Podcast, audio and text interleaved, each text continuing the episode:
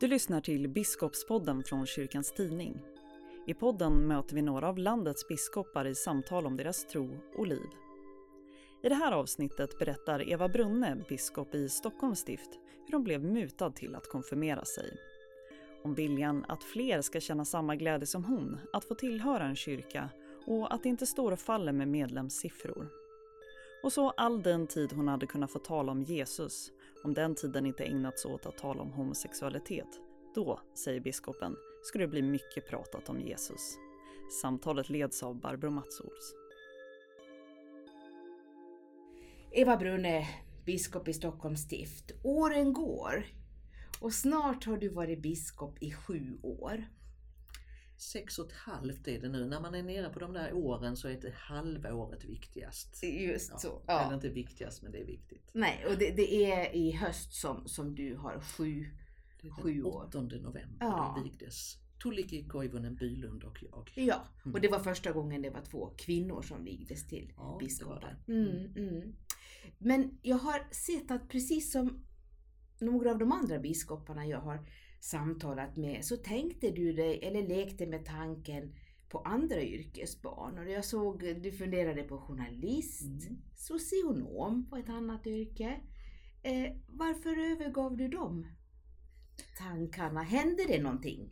Ja, alltså det som hände var ju kristna studentrörelsen som jag var eh, en aktiv del av, fortfarande är medlem i. Men, men var en aktiv del av. Och där vi förde mycket resonemang om vad är det för slags kyrka vi vill ha. Och de resonemangen för vi ju sannoliken idag också. Vad är det för slags kyrka vi vill ha? Och vi tänkte då som, som studenter att ska kyrkan förändras så är det vi som måste göra det. Och det gav väl förändringen för mig. Men det hänger ju ihop för mig att vara journalist eller socionom eller präst. Det handlar ju också om att vara, vara röstbärare. Mm. Och det har drivit mig Mm. som präst, men det skulle ha drivit mig som journalist eller som i socialtjänsten också såklart. Mm. Där finns grunden att vara röstbärare för de som ingen röst har- har. Men du har aldrig ångrat ditt eh, yrkesval? Aldrig ett ögonblick. Det är snart 38 år sedan jag prästvigdes. Jag var ung, jag var 24 år gammal. Det var ju egentligen alldeles för ungt. Men som 24-åring kände jag att ja, men jag kan allt och jag klarar allt. Mm, Och mm, Det var mm. väl räddningen, för Mm. mig i alla fall. Kanske inte för de människor jag mötte. Men, men för mig. Och jag har aldrig en sekund ångrat mitt att jag sa ja till min kallelse och att jag gick in i prästuppdraget. Och sen har det ju för mig som för många sett väldigt olika ut. Kristna studentrörelsen som anställd och församlingspräst och stiftsadjunkt med uppgifter kring utbildning och studentarbete och församlingsarbete igen. Mm. Eh, Och så kan det se ut i prästuppdraget att man har olika uppgifter såklart och det gör ju det spännande hela tiden också. Mm. Man hinner liksom aldrig tröttna. Nej, men hinner man tvivla då? Ja, det gör man. Jag har egentligen aldrig tvivlat på att Gud finns och att Gud finns nära mig och att Jesus är den jag vill följa. Men jag har ju tvivlat på hur kyrkan har kunnat leva det och, och, och peka på Jesus. Det har jag gjort och det gjorde jag i kristna studentrörelsen och det var det som drev en grupp av oss att säga att nej men ska, kyrkan måste förändras och det, ingen annan kommer att göra det om inte vi gör det. Mm. Ehm, Och jag tycker att kyrkan har varit sämre ute än vad den är nu. Nu är det en väldigt pigg kyrka tycker jag. Jämfört med när jag konfirmerades, var med i kyrkliga ungdomskretsen som det hette och var student. Mm. Det var en rätt tråkig kyrka. Och det var ju en del av statsapparaten. Ja, det också. Det Mm. har vi ju varit länge, men jag tycker också under senare del, alltså när vi fram till 2000 var en del av statsapparaten, var en kyrka som, som piggade på sig rätt rejält för att kyrkan visade att och kyrkan är ju inte en, en, egen sak utan kyrkan är ju människor. Att vi, att vi drevs av ett, ett patos, att vi drevs av att vara röstbärare, att vi drevs av att vara en del av samhället som inte bara följde med utan också vågade vara kritiska när det behövdes. Mm. Och det har jag inte minne av i alla fall. Att den kyrka som jag växte i från det jag konfirmerades, eh, att den fungerade på det sättet. Mm. Så tvivlet har, har avtagit och det är en pigg kyrka du ser jag idag? Jag tycker det. Eh, och det vore väl konstigt om jag sa någonting annat när jag nu är en av ledarna mm. i kyrkan. Men, men jag tycker faktiskt det. Jag ser väldigt mycket liv och lust och eh, inte bara en känsla utan en, en, en, handling också i att vi är en reformatorisk kyrka som ständigt måste förändras och det finns ingen rädsla för eller ja, det finns det väl på sina håll, men, men det finns inte en stor rädsla för att kyrkan förändras idag, för det är en del av vårt, vår kyrkas väsen. Är du en förändringsbenägen person i andra sammanhang också? Inte, inte jättemycket, men, men jag arbetar ju mycket tillsammans med andra eh, som tillsammans med mig då driver naturligtvis. Eh, men jag är inte den stora mm, förändraren på barrikaderna själv. Men det är klart, jag har ju visioner för både kortare och längre sikt om vad kyrkan, vad, vad det är för slags kyrka vi vill ha. Mm. Mm. Och, och, kyrkan är ju som en atlantångare nästan. Det går, tar rätt lång tid att vända den och det är rätt bra att det gör det också. Det blir inga tvära kast. Man hinner tänka efter. Man hinner tänka efter och det, det är väl kanske mer sådan jag är. Att, att jag jag försöker svänga Atlantångaren och jag vet i vilken riktning, tror jag, eh, vi ska. Mm, mm. Men, men de tvära kasten är ju inte kyrkans sak och kyrkan ska inte vara så beroende av enskilda människor som säger nu ska vi åt det hållet. Nej, så kommer någon om fem år och säger att nu ska vi åt det hållet. Utan vi ska vara eftertänksamma i vår förändring. Mm. Eh, och vi har ju en ganska trög organisation och det det är bra Demokratiska det. Mm. organisationer är tröga. Mm. Mm. Och det är bra att det är så. Mm. Du talar varmt om tiden i kristna studentrörelsen. Och så. Det gör jag ofta och ja. gärna. Ja, och, men det fanns väl en tid dessförinnan. Hur, hur kom du in i den kyrkliga eh, sfären? Jag har läst att din mormor betydde mycket ja, för dig. Ja, det gjorde hon. Ehm, ja, vi kan börja där. Alltså hon var en, en, kvinna som sällan talade om sin tro. Men hon levde den.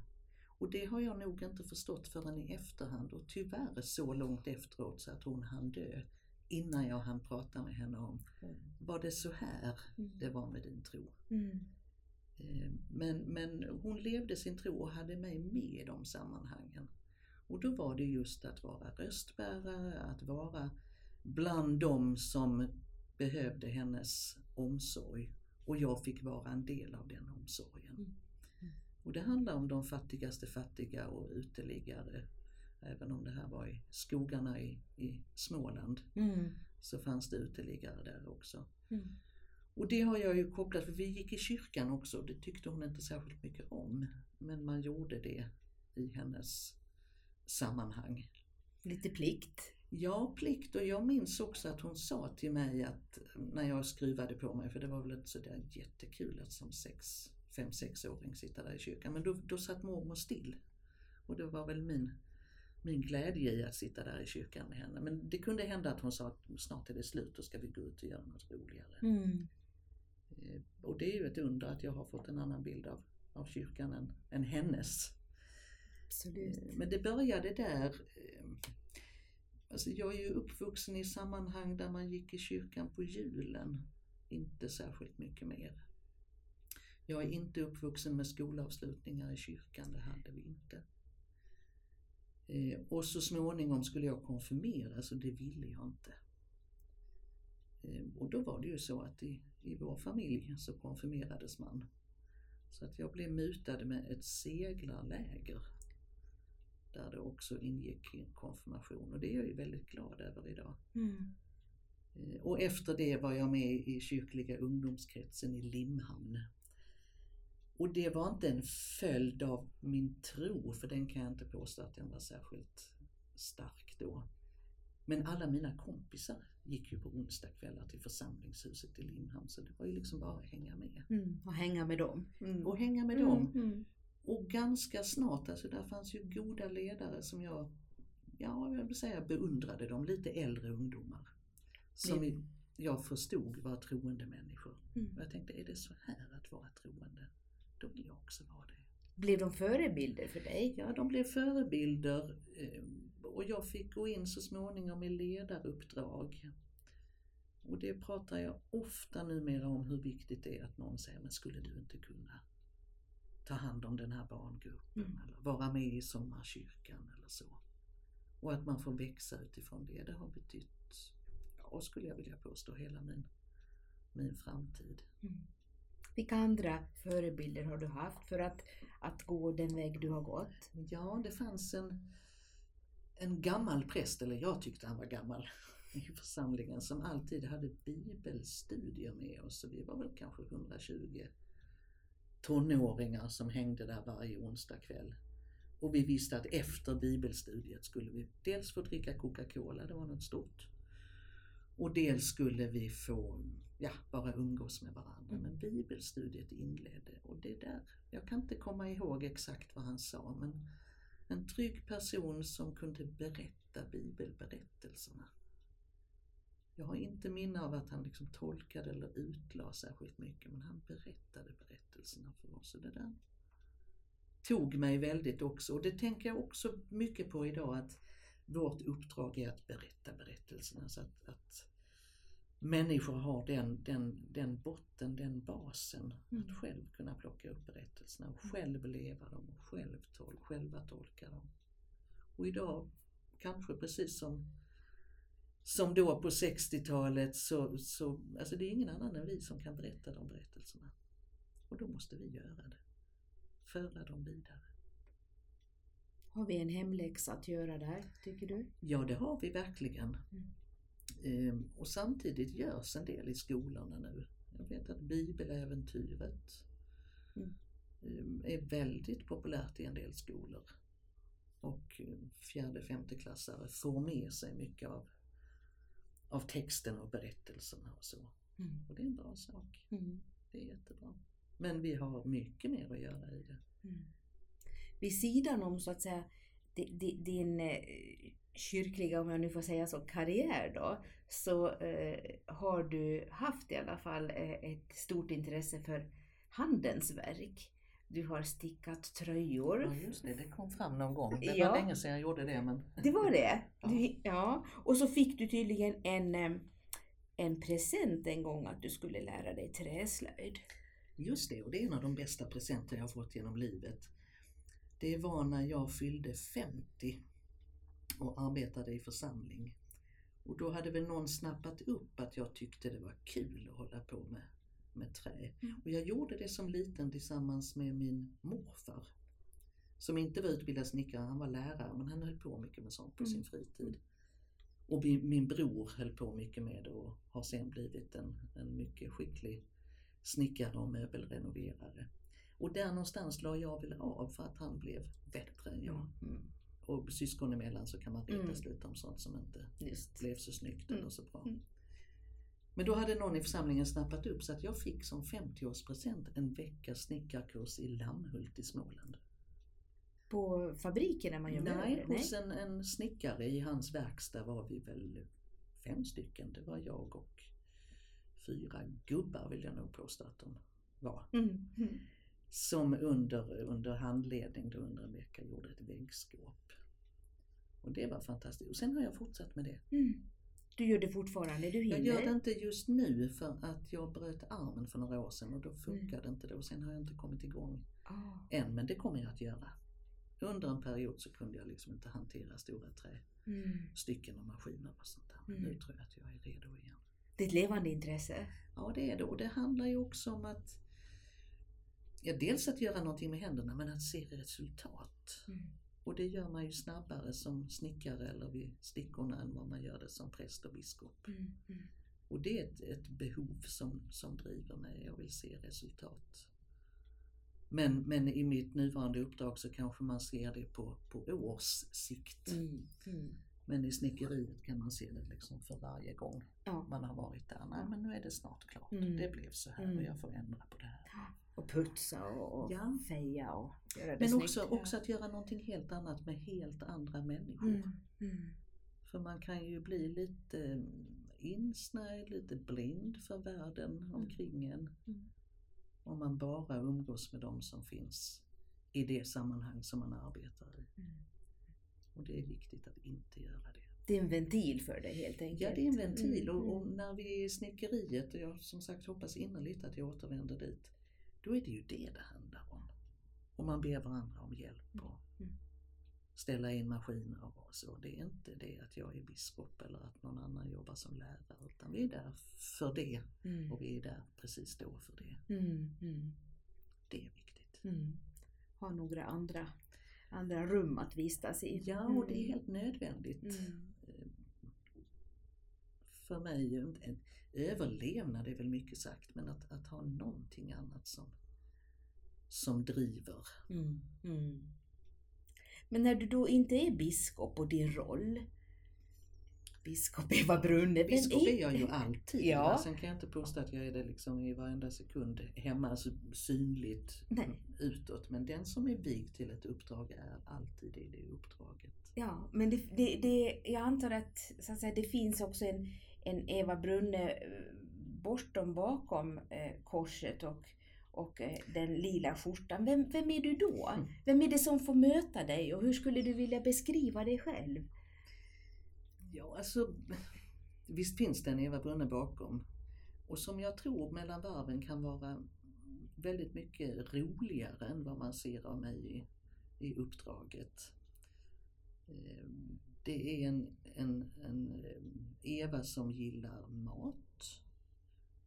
Som gillar att eh, ja, hålla på på landet och göra det som man inte annars gör, bli få lite jord under naglarna. Och, Mm. eh, det är en Eva som hänger en del vid fotbollsplaner. För att jag har en son som spelar fotboll. Mm. Och då umgås med andra människor och tänker på annat än, än det som ingår i mitt, mitt eh, biskopsuppdrag. Mm. Läser en hel del. Inte så mycket som jag skulle vilja. Jag blir en sån här sommarläsare som stormläser då. Vad läser du då? då? Ja, just nu läser jag blandat deckare och en nyutgiven bok om Majken Johansson, poeten som Mm. jag är väldigt förtjust i och har läst det mesta av både som hon och Karin Hartman har skrivit genom åren. Mm. Fantastisk berättelse. Så böckerna ligger på hög då när du får Ja, de gör ju det. Ja. Ja. Biografier tycker jag är spännande. Det var någon som sa till mig att biografi, det, det har med åldern att göra. Precis. Och det får det gärna ha, men jag tycker det är spännande att, att läsa om, om människor som har betytt någonting. Mm. Mm. En bok om Angela Merkel håller jag på med Mm. också. Jag har ofta flera böcker i, igång. Eh, Jag är bra på att, att slappa men jag har lite för lite tid till det så att det blir ju mest sommar och semester det handlar om där jag Mm. inte gör någonting. Mm. Men du är glad och du gillar mat och du gillar att läsa. Alltså Ja. är pri privat, privatperson. Precis, jag trivs, Ja. trivs ju med livet. Ja. ja. Men krackelerar din fasad någon gång då? Den kan ju krackelera om det händer saker i, i närheten som är besvärliga. Och det vore ju konstigt om jag inte vore människa i det. Mm. Ehm, Jag kan känna oro. Jag har en mamma som är 92 vid det här laget och, och frisk i och för sig. Men jag kan känna oro för hennes ensamhet på vintrarna och, och så. Bor hon kvar i Skåne? Hon bor kvar i Skåne i sitt hus. Då har du långt till din mamma. Ja, och det är sånt där när min oro också. Mm, Att, mm. att, eh, inte bara att det ska hända henne någonting men att vi inte hinner umgås så mycket som Mm. jag skulle vilja och som hon skulle vilja också förstås. Mm. Mm. din ilska då, vart tar den vägen då? För sån måste du väl också Ja, det känna? finns. Det finns och den tar jag naturligtvis inte ut när jag är offentligt. Ja, jag kan bli ganska skarp i rösten när jag blir ilsken. Jag är inte sån här som slår, slår och lever om och sparkar. Det är nog tur att jag inte är det. Men, men jag kan bli väldigt tydlig i rösten när- jag blir arg eller ilsken. Ehm, Vet man vad klockan är slagen då? Ja, alltså de som känner mig någorlunda vet att nu så Mm. är Eva arg. Mm. Men det händer ju inte ofta så det ska mycket till. Mm. Det ska väldigt mycket till. Mm. Jag kan ju bli irriterad till exempel om, om, om jag möter människor som har eh, tankar och åsikter som jag tänker, men det här är inte rimligt. Ehm, Men det, det, då är det ju heller inte rimligt att gå ur ett sådant samtal genom att bara bli arg. Utan istället bolla tillbaka sig, men hur tänker du nu? Och då måste en människa utveckla det. Mm. Och då kan jag också sansa mig lite. Har du ett gott tålamod då? Med de som, som så att säga tänker eller uttrycker sig annorlunda? Ja, det vill jag nog påstå att jag har. Har du tränat dig? Nej, men jag är, jag är lugn till min person. Mm. Nästan vad som än händer. Eh, Och det lugnet bär jag väl med mig också i samtal som inte är bekväma eller går min väg eller eh, uttrycker saker som jag då tycker är Mm. inte okej. Mm. Sen brukar jag ofta säga när, när människor säger åh vad lugn du är, så säger jag men det går inte att prata fort på skånska. Och det hjälper till, men, men i grunden är jag en lugn Mm. person Mm. som kan bli arg, irriterad, Mm. men det ska mycket till.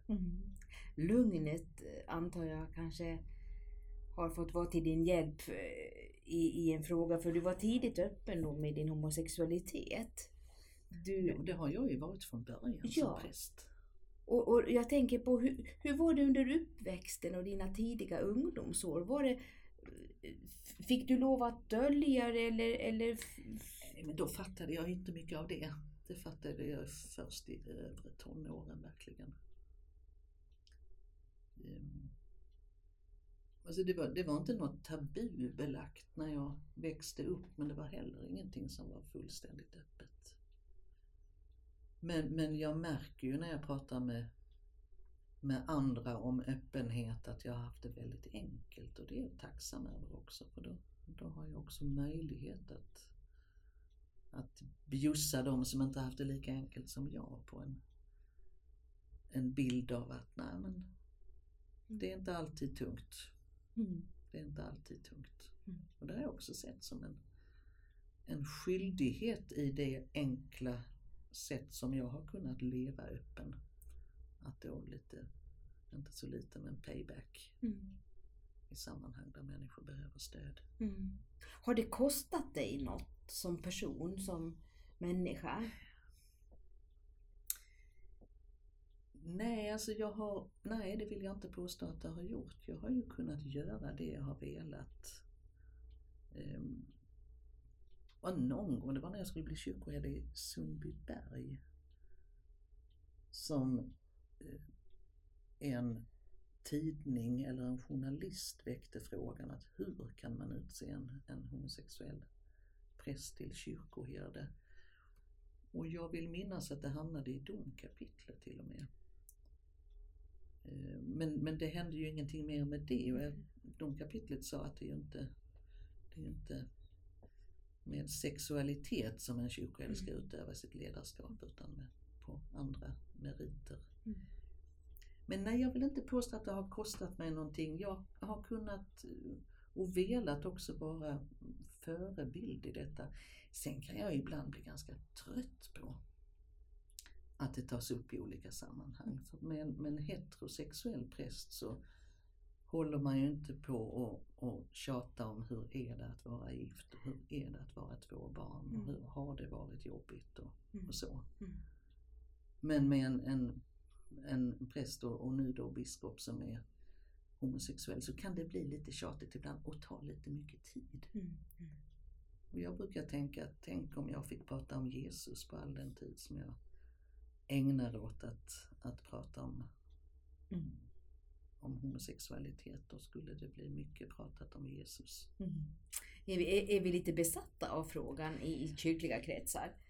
Ja, det är vi och samtidigt i Stockholm där jag då verkar så är det ju i många stycken en icke-fråga. Mm.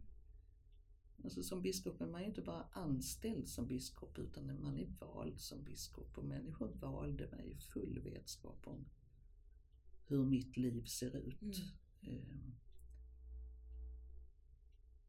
Men alltså det, det mesta som har varit har kommit från utländska medier. Ehm, Där man kanske inte är besatt men man är frågande kring om det alls är möjligt. Mm. Och där jag då gång på gång får berätta om att men så här ser det ut i det svenska samhället. Och Svenska kyrkan är en reformatorisk kyrka som inte alls är, försöker vara politiskt korrekt men lever i ett samhälle Mm. där det är nödvändigt att leva och vara och verka så som medlemmarna vill. Mm. Och att vårt kyrkomöte tog ett, ett demokratiskt majoritetsbeslut om att vi också ska kunna viga samkönade par. Mm. Men det finns ju frågetecken. Alltså tidigt när jag var biskop minns jag särskilt en polsk journalist. eh, Skulle tro att hon var vuxen som katolik. Och hon förstod inte detta bara, hur jag än förklarade. Den demokratiska kyrkan som tar sådana här beslut. Och till slut kändes det som hon gav upp och så sa hon Do you know, we think you're coming from Mars. Mm. Ehm, Och så kan det vara för en del. Mm. Mm. Och jag kan liksom inte tvinga åt något håll utan bara berätta att så här har processen sett ut i vår kyrka. Och inte bara erkännandet utan beslutet om att vi viger samkönade är ju ingenting som ramlade ner från himlen 2009. Utan det var en lång, lång process som började 1951 som då tog ny fart 1974 med Holsten Fagerberg som då tyvärr nu är död men mätt av Mm. år och dagar Ja. Mm. som var med och drev. Mm. Så att det är ju en det är ju en mer en, en, ja, det är en 60-årig process som har Mm. drivit fram. Mm. Och det är också viktigt att visa det, att så ser vår kyrka ut. En, Mm. en lång process och sen till slut kommer man fram till ett beslut. Mm. Men då är det väl bearbetat. Mm. Du levde ju själv som sambo i ett registrerat partnerskap under många år. Ja, alltså då fanns det ju inte möjlighet att, att gifta sig. Det var ju före 2009. Mm. Och då fanns möjligheten att registrera sitt partnerskap Mm. om man levde i en samkönad relation Mm. och det gjorde vi. Ja. Och sen omvand, kunde det omvandlas till äktenskap Mm. eh, så småningom. Mm. Om, om du skulle stå inför det valet idag skulle, med, med en ny partner, skulle du gifta dig då? Ja, det tror jag absolut. Mm. Absolut. Mm. Mm. Viger du många samkönade själv?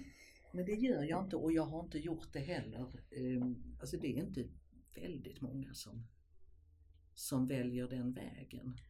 Det var en liten skjuts i början när det här var nytt, Mm. möjligt. Ehm, De jag viger eller döper eller begraver nu det, det är då människor som jag känner väl. Mm.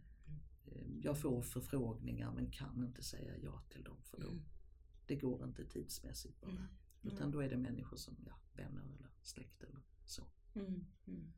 Men säga att jag har vikt fem, sex, sju samkönade par, mer än så är det inte. Det är inte mer än så.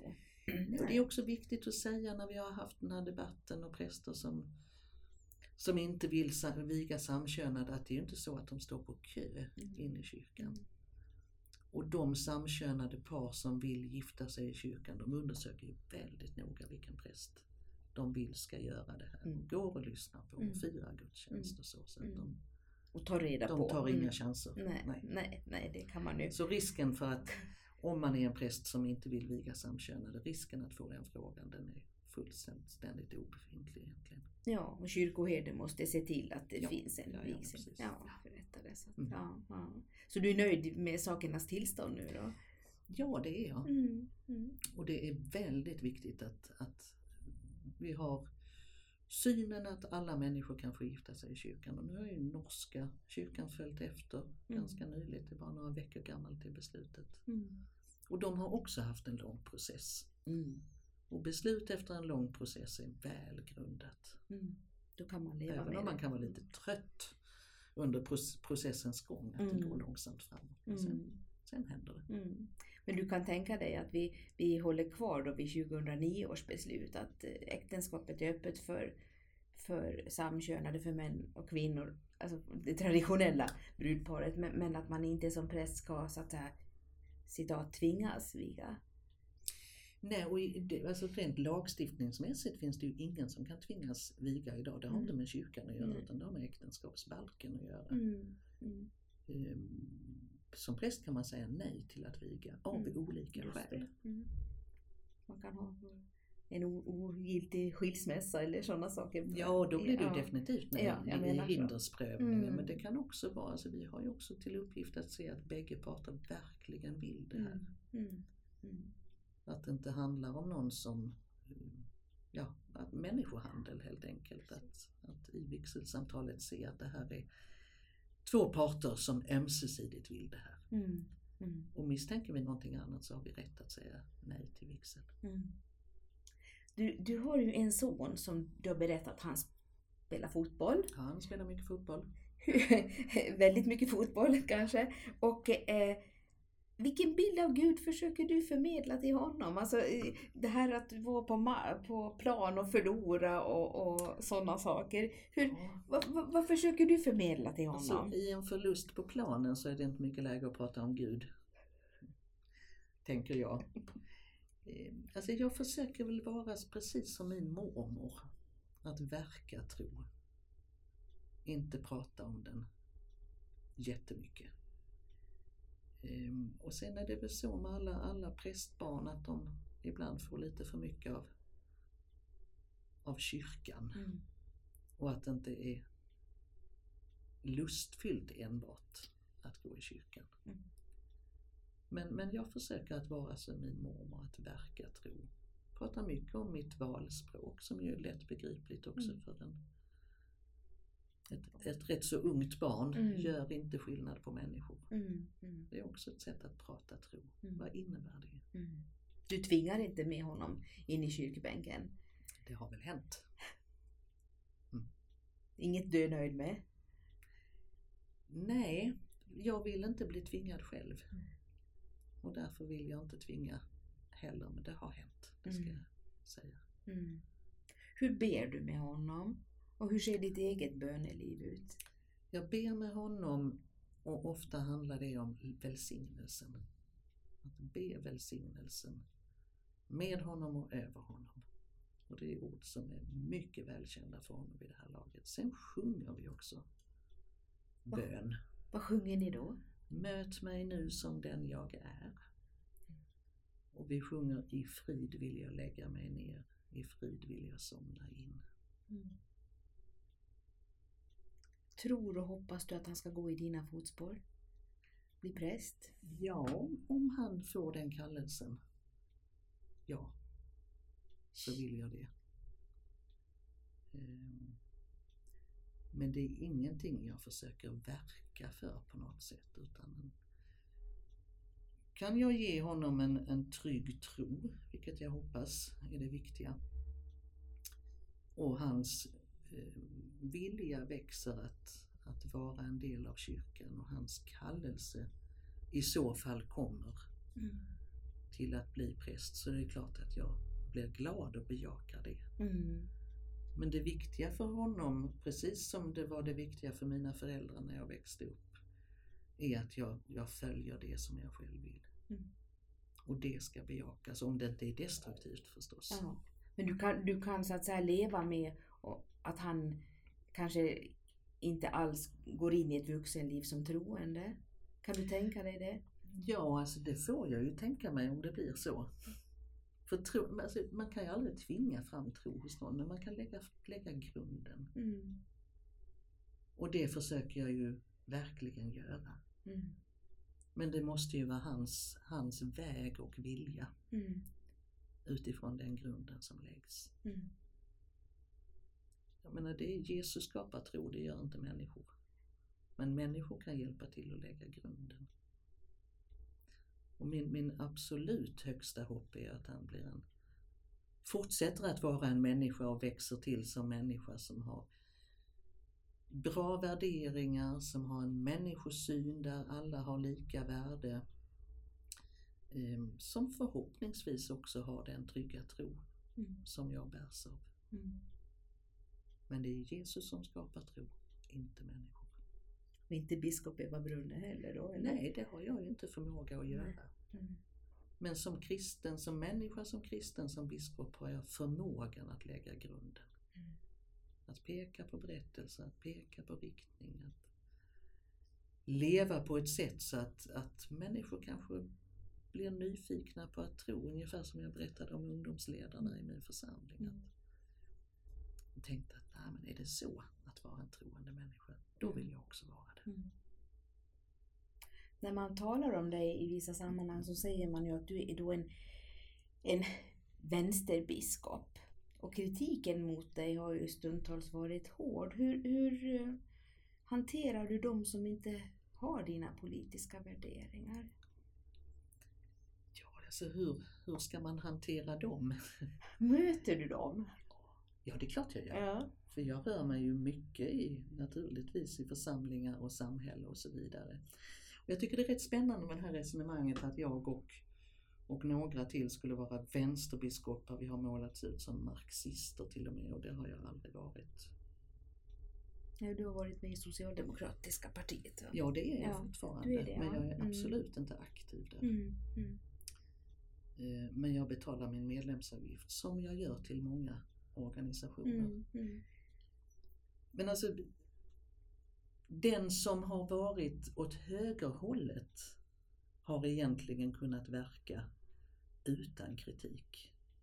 Men är man från mitten och åt vänsterhållet så är det väldigt lätt att kritisera och säga att detta har inte med kyrkan att göra. Och driva vidare till att vi inte bara snudd på utan att vi är marxister, några stycken av biskoparna.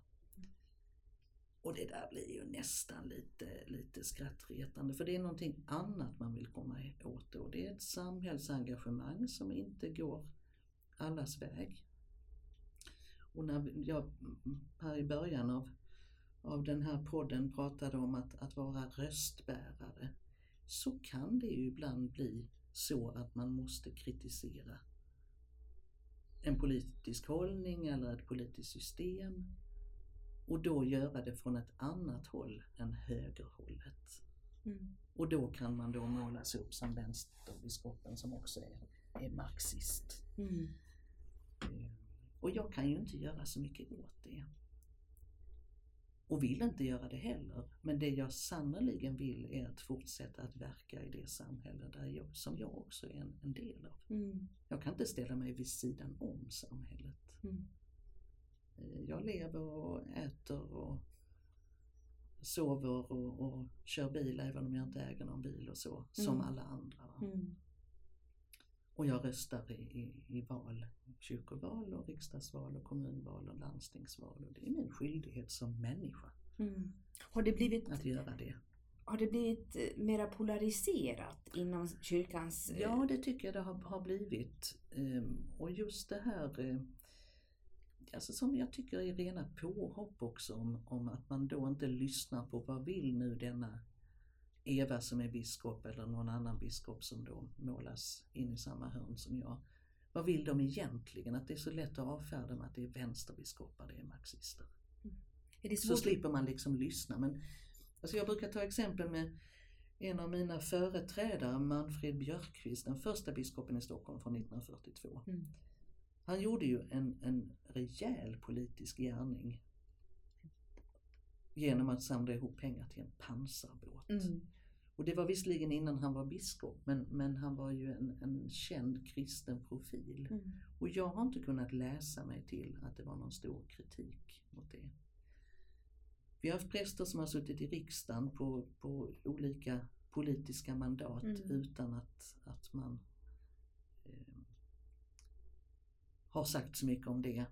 Men börjar man prata om att vara röstbärare, börjar man prata om rättvisa och inte rättfärdighet och så, så, så är det risk att man skåpas ut Mm. utan att man lyssnar på vad, vad som egentligen sägs. Och jag är en del av samhället, jag är en del av världssamfundet. Mm. Jag får oerhört mycket påverkan från kyrkor runt om i världen i och med att jag också har förmånen att vara en del av Kyrkornas världsråds Mm.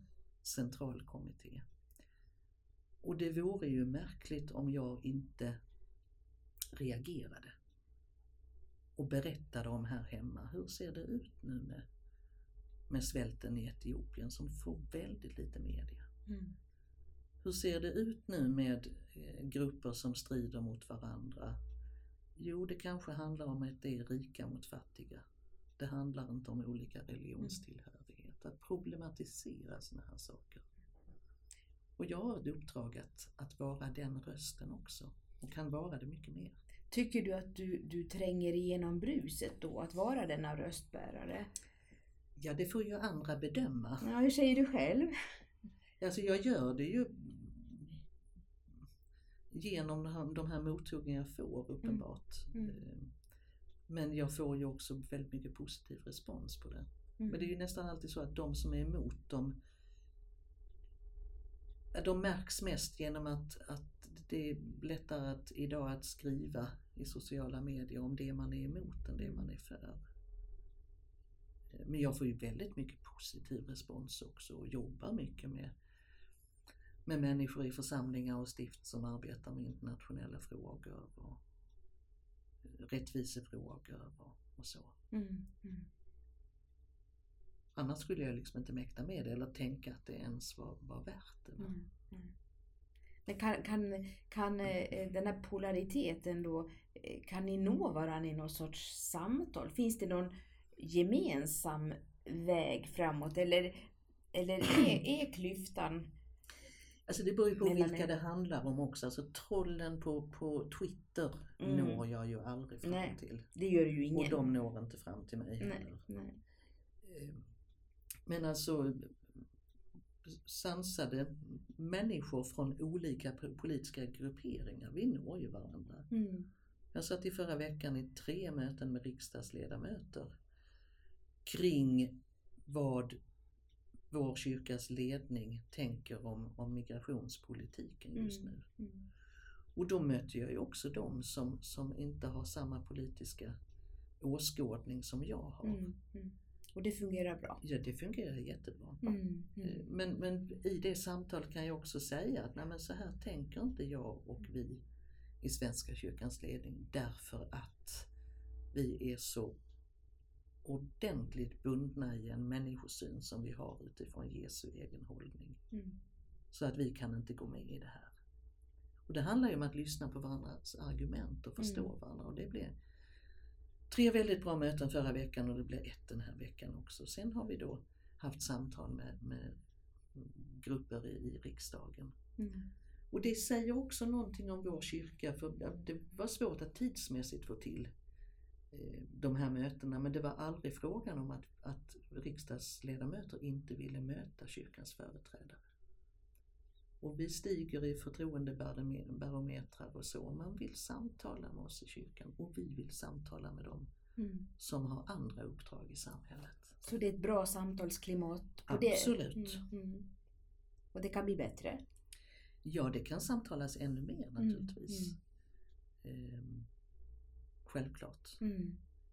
Men det görs och det görs i församlingar. Ett av mina uppdrag är ju att visitera församlingar. Mm. Som egentligen betyder besöka. Det har inte den liksom, kontrollstämpeln som ordet kan, kan ha. Och där ser jag ju hur församlingar möter mycket samhällsföreträdare. Den senaste visitationen gjorde vi i Huddinge och Botkyrka.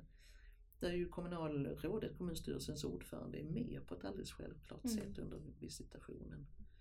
Eh, också annat föreningsliv och socialtjänst och och så där, där det märks tydligt att det finns alltså upparbetade kanaler med kyrkan som är självklara. Mm. Och som är viktiga att använda då antar jag? Absolut. Ja, ja. Och när, när vi är församling på en, en, en viss plats så är vi ju kyrka där och ingen annanstans. Mm. Och då handlar det ju om, för alla om att göra livet så bra som möjligt för människor som, som lever där. Mm. Och då är kyrkan en del tillsammans med andra kommunala organ men också föreningsliv och andra trossamfund och så. Mm. Och det samverkar vi ju självklart i. Mm. Du nämnde Manfred Björkqvist för en liten Ja. stund sedan. Han var den första biskopen i Stockholms stift, det nybildade stiftet, och du är den åttonde. Just det. Och nu är det då ett stift som befolkningsmässigt är det största. Mm. Men det är också ett stift där så att säga, sekulariseringsvågen är mäktig och, och, och antalet tillhöriga Svenska kyrkan snart kan vara under 50 procent. Ja, så kan det vara. Och det, fin- vi har ju församlingar som är långt under 50 procent. Men som ju fortsätter att vara församlingar tillsammans med andra. Och vår, vårt medlemstapp i Stockholm, om man nu ska tala tapp, handlar ju inte mest om att, att stora skaror lämnar Svenska kyrkan. Utan det handlar mycket om att människor flyttar in som aldrig har varit tillhöriga Svenska Mm. kyrkan och inte ska vara det heller för att de Mm. tillhör ett annat trossamfund. Mm.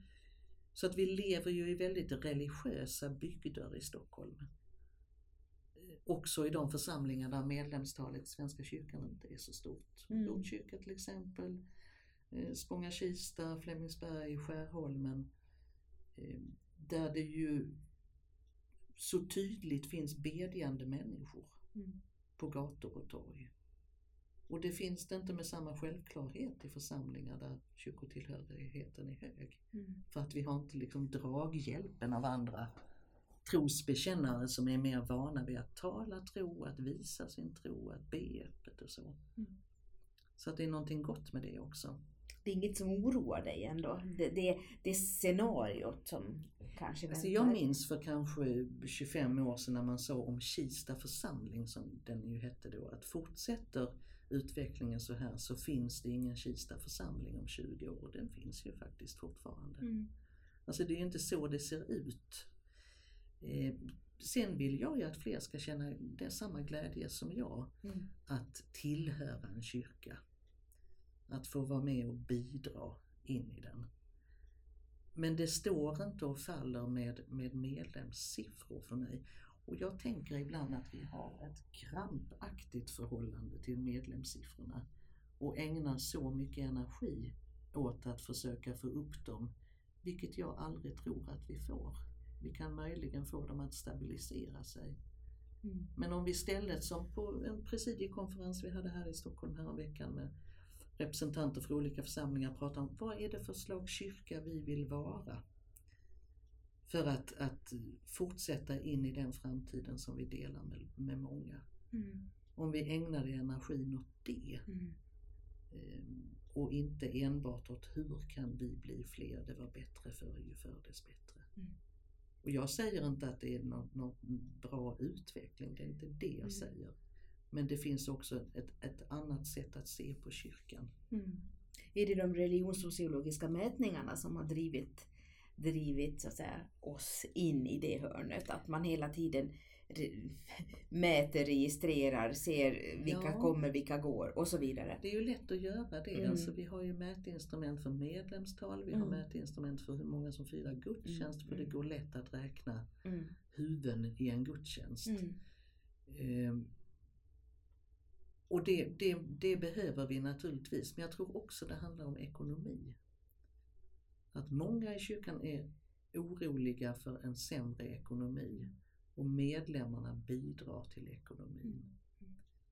Ehm, Men vi kommer att bli, vi är just nu en oerhört rik kyrka. Och det, det ska jag inte säga till alla församlingar för det är inte så överallt men Mm. Sammantaget är vi en oerhört rik kyrka Mm. ekonomiskt. Mm. Och vi kommer att bli en fattigare kyrka. Och att i, i det sammanhanget då tänka, vad är det för slags kyrka vi vill vara? Med mindre resurser men fortfarande med samma evangelium och samma vilja att, att berätta om Jesus så att människor kommer till tro. Där borde vi sätta in mer kraft än att bara